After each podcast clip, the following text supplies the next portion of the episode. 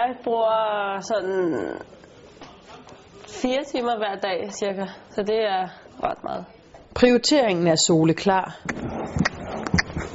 For den unge dressurrytter Nana Skodborg Miral er hestene det vigtigste. Men der er også noget andet, langt væk fra stallen, der har fanget hendes interesse. Jeg har altid godt kunne lide matematik, også i folkeskolen. Det er sådan en af de fag, jeg bedst kan lide at have, og derfor har jeg så valgt at have det på A-niveau.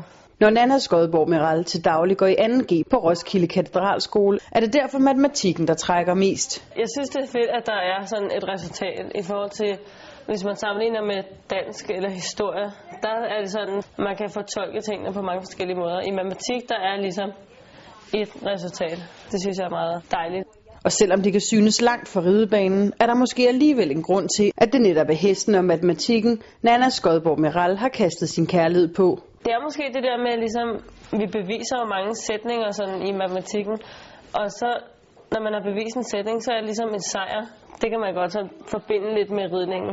På nogle punkter adskiller de mange tal sig dog for hesteryggen i en sådan grad, at dressurrytteren kan bruge dem som en reel pause fra sin sport. Primært så tænker jeg ikke så meget over hestene, når jeg er i skolen. Og så synes jeg også, det er rigtig dejligt at se nogle mennesker, der ikke har med heste at gøre, så vi kan snakke om noget andet i forhold til kun at se hestemennesker hver dag. Ikke fordi det er også hyggeligt, men det er meget rart med lidt adspredelse. Når alt kommer til alt, vinder hestene dog. Lige nu der er det mest bare sådan ridning. Og står valget mellem lektier og et stævne, Ja, så tager jeg stævnet. Men så tager jeg så lektierne med til stævne. så må tiden vise, om de bliver lavet. Hvis jeg ikke synes, at jeg kan overskue det, så venter jeg med at lave dem til efterstævnet. Det er heste overskue.